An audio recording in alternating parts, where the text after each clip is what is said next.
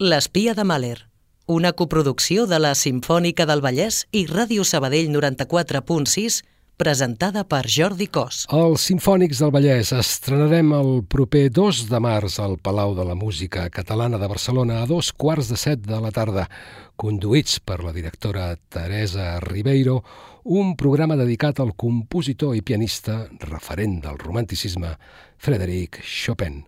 Això sí, contemplat des de la perspectiva de la seva amant, l'escriptora George Sand.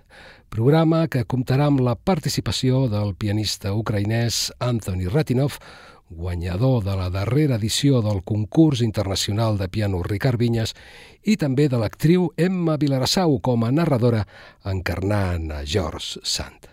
Avui, amb el suport de Rocío García, el control tècnic, Chopin, amb veu de dona a l'espia de Mahler.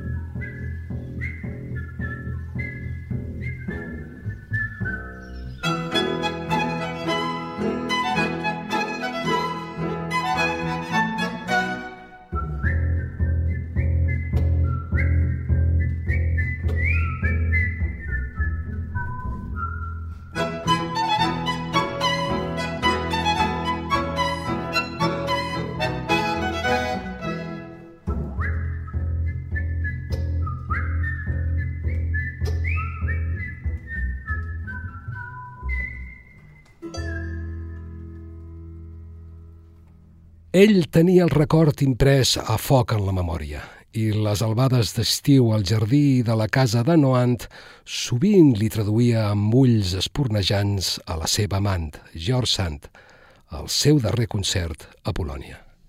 La sala era plena de gom a gom. A la llum de les llànties descobria les cares de tothom sorprenentment animades, cert de sassossec. En comptes de seure, la gent formava petits grups d'empeus, murmurant alguna cosa que ell no va entendre. Li digueren que la nit anterior la policia russa havia detingut alguns estudiants. Minuts abans de sortir a l'escenari, va córrer per la sala una notícia que el va amoïnar. El carruatge del general Trevitsky, sicari del Zart, havia estat apatregat camí del palau del governador rus.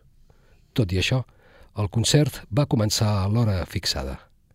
Quan va acabar, ensucrat amb ovacions, a la sortida del Teatre Nacional la gent s'amuntegava per veure per darrera vegada a la llum de les llanternes el rostre del seu músic més il·lustre. Ell, aclaparat, baixava la mirada. Per al dia 2 de novembre li van reservar la diligència al seient número 7, prop de la finestreta. El dia abans el va passar amb visites de comiat – els amics, els seus professors, els amors possibles i impossibles, les dues llibreries. Al capvespre, quan esgotat de tantes emocions tornà a casa, el sol s'esmunyia per l'horitzó. No va dormir. L'endemà, a l'hora fixada, a dos quarts de set del matí, Frederic Chopin va deixar Polònia. No sabia que seria per sempre. Des de la finestreta de la diligència va llegir de reull a les parets els rètols que deien Mori el zar, el poder per al poble. Visca Polònia.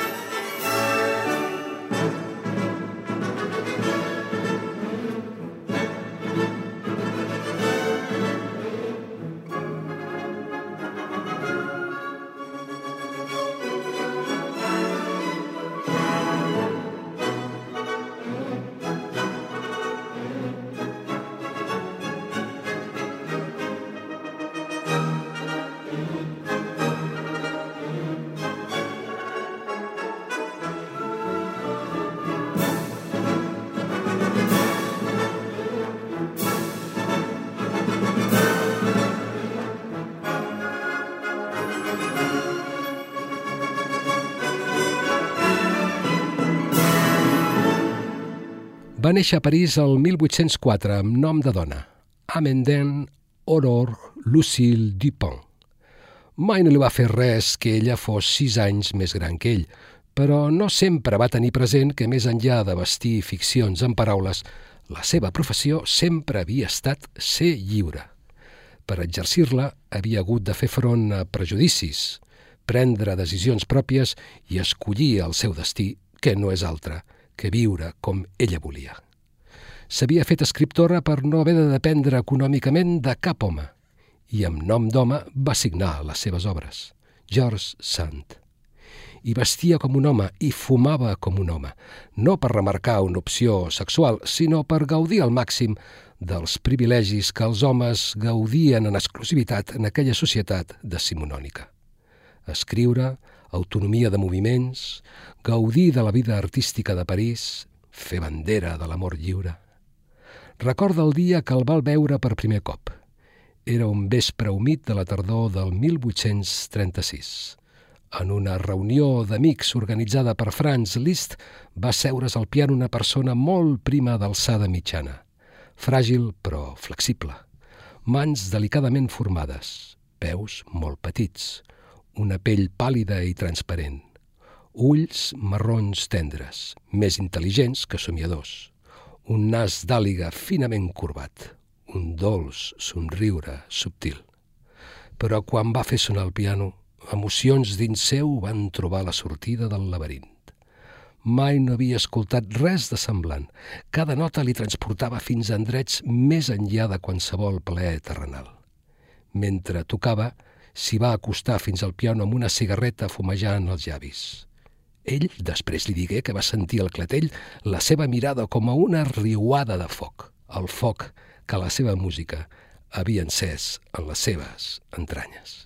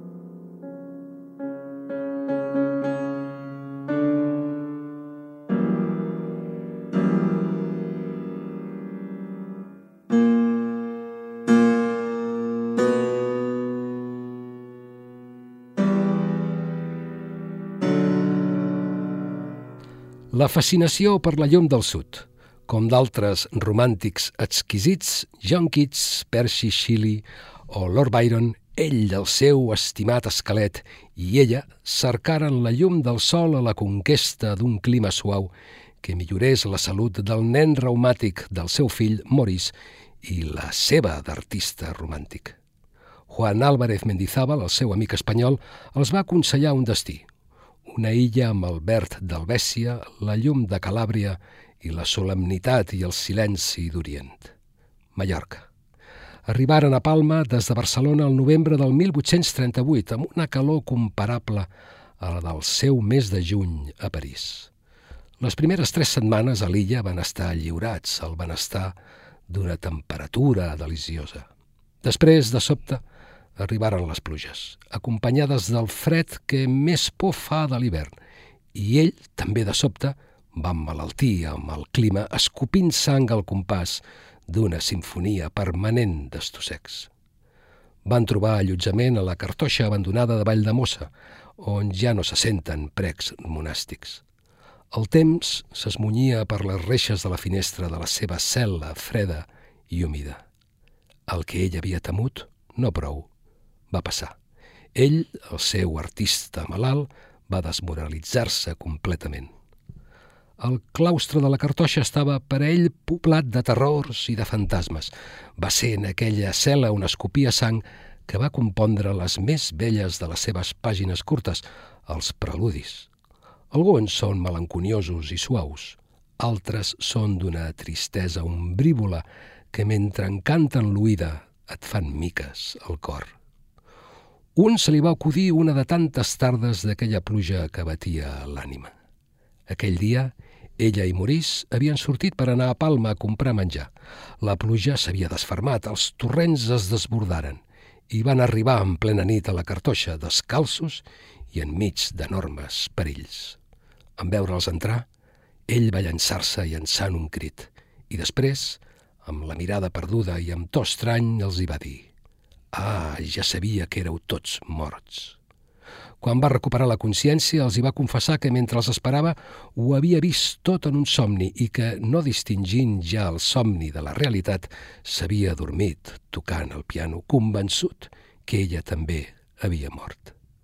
Es veia ofegat en un llac.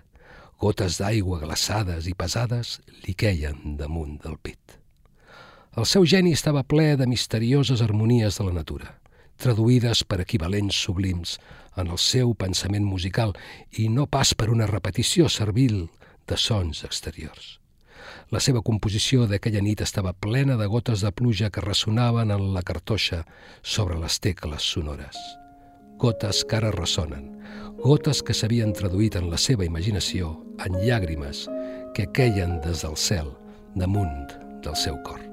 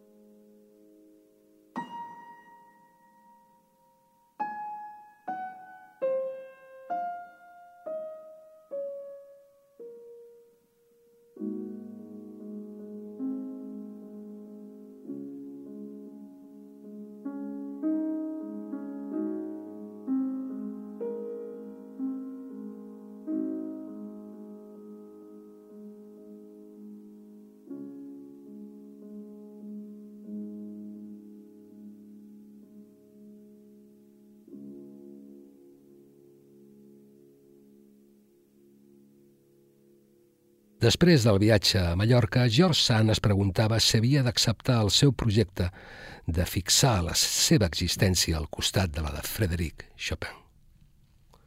Sand va espantar-se pensant en la tasca que acceptaria. Si el seu fill Maurice tornava a caure malalt, hauria de deixar les alegries de la seva carrera literària. Aleshores, quin temps de la seva vida podria consagrar a un segon malalt més difícil de cuidar i consolar que Maurice? Ell, Chopin, el seu estimat esquelet. Després d'haver reflexionat, aquell perill va desaparèixer dels seus ulls i fins i tot va adquirir un caràcter oposat. La seva vida comuna passava els hiverns a París i els estius a la gran casa que ella heretà de l'àvia, al poble de Nohant, un indret encisador que els omplia de calma. Tot va anar bé els primers temps. Ell, el seu Chopinski, com així li deia, va ser ben rebut per tothom. Els nens l'adoraven. Era un bon amic de Maurice i un germà gran per a Solange. Sí, els estius a Nohant duien una vida agradable i monòtona menjaven a l'aire lliure. Venien els amics, ara Franz Liszt i la seva estimada Mogui Dogoult, ara de la Croix, Paulin Biardot o Balzac. Al vespre, quan marxaven, tocava el piano només per a ella i després s'adormia com un nen, a la mateixa hora que els seus fills. Noan no només l'inspirava, era una promesa de salvació per a la parella en què s'havien convertit dins d'una família mixta de la qual el seu estimat malalt, en el fons, aspirava a ser-ne el pare.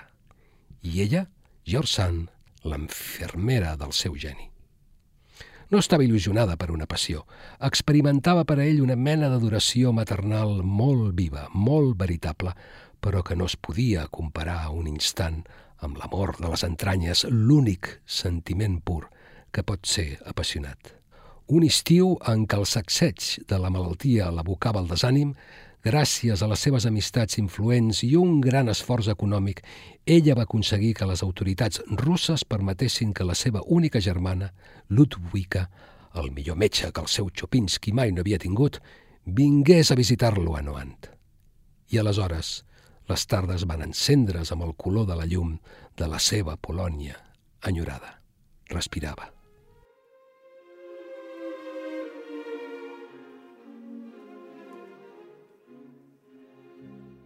thank mm -hmm. you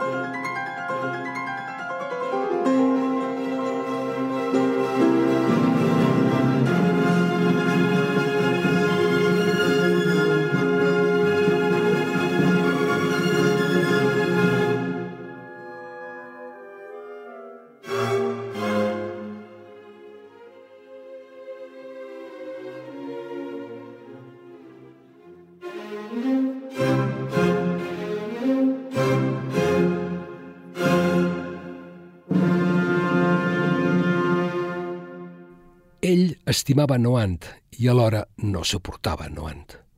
Un estiu tot va començar a capgirar-se. La mort del seu amic, el doctor Matusinski, i després la del seu pare li van provocar a Chopin una enorme commoció. Els seus fantasmes les cridassaven i en comptes de veure el seu pare i el seu amic somriure'l des de l'altre món, rebutjava els seus rostres descarnats i l'abraçava de les seves mans glaçades. Ella va passar un munt de nits en una habitació veïna a la seva, sempre en alerta per si calia interrompre la seva feina d'escriure i espantar els espectres dels somnis o insomnis del seu Chapinski. La seva malaltia havia tornat a engegar el compte enrere. La idea de la seva pròpia mort se li apareixia escortada per totes les supersticions de l'ànima eslava. Com a bon polonès, vivia en un malson de llegendes. A conseqüència de les últimes recaigudes, el seu caràcter s'havia enfosquit extremadament. Noan se li havia fet antipàtic. Sovint estava de mal humor sense cap motiu aparent i de vegades injustament contra les bones intencions d'ella i els seus fills. Ella va viure com el mal s'agreujava i s'estenia als seus altres nens. Per fi, un dia, en Maurice, cansat de les agulles que Chopinski li clavava, va parlar d'allunyar-se d'ell. Això no podia i no devia ser, però ell no va suportar la seva intervenció legítima i necessària. Abaixant el cap, ell li va dir que ella ja no l'estimava. Quina blasfèmia, després de set anys d'abnegació maternal. El seu pobre cor ferit no tenia consciència del seu deliri. Aquell dia, de sobte, ella començà a conreuar el n'hi ha prou sentia un gran cansament de les satisfaccions personals que semblen tan grans quan un és jove i que semblen tan poques quan ja no se les espera. La satisfacció de la joia, la passió, la llibertat, perdudes enmig dels seus estossecs sangonosos, la seva gelosia i el seu tarannà mal sofert. Ella havia perdut la llibertat de ser qui volia ser i es va sentir morir.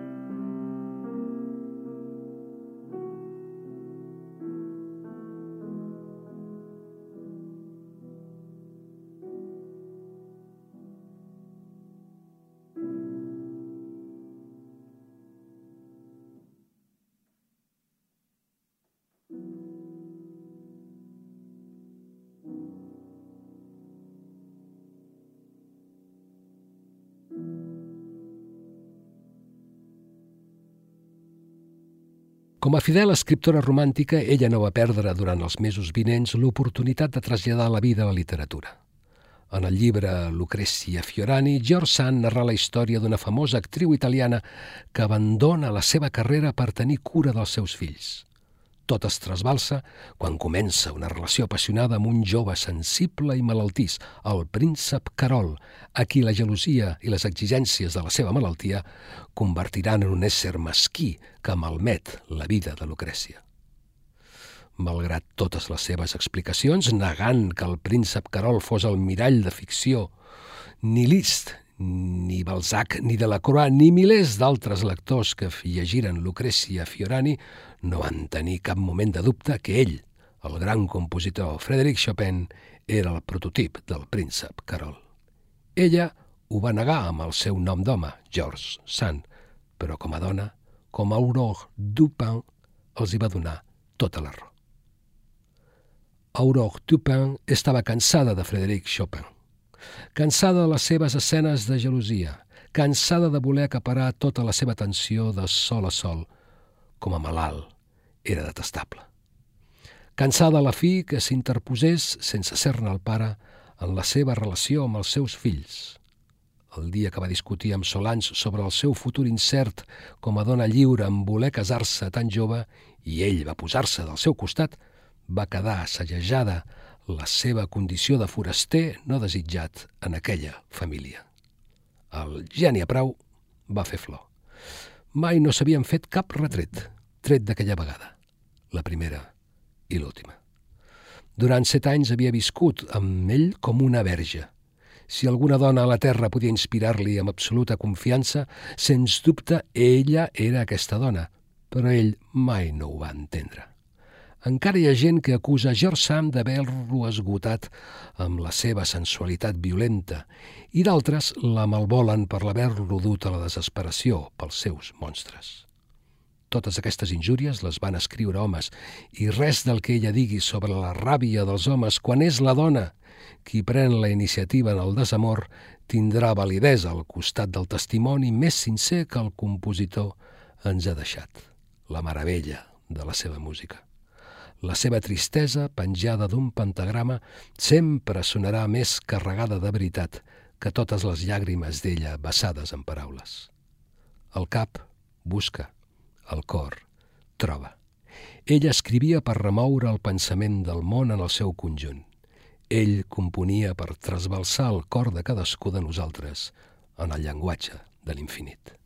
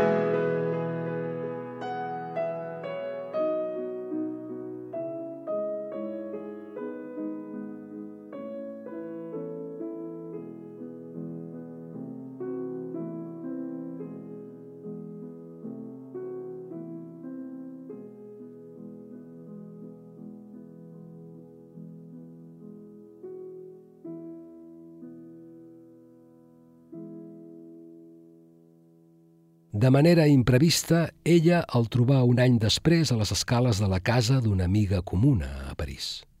Ella hi arribava, ell marxava. Sant va estrènyer la seva mà fràgil i humida. Semblava de fugir-la.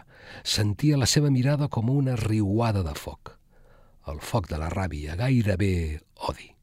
Davant aquesta rancúnia, què podia fer ella? Res. Chopin morí poc després.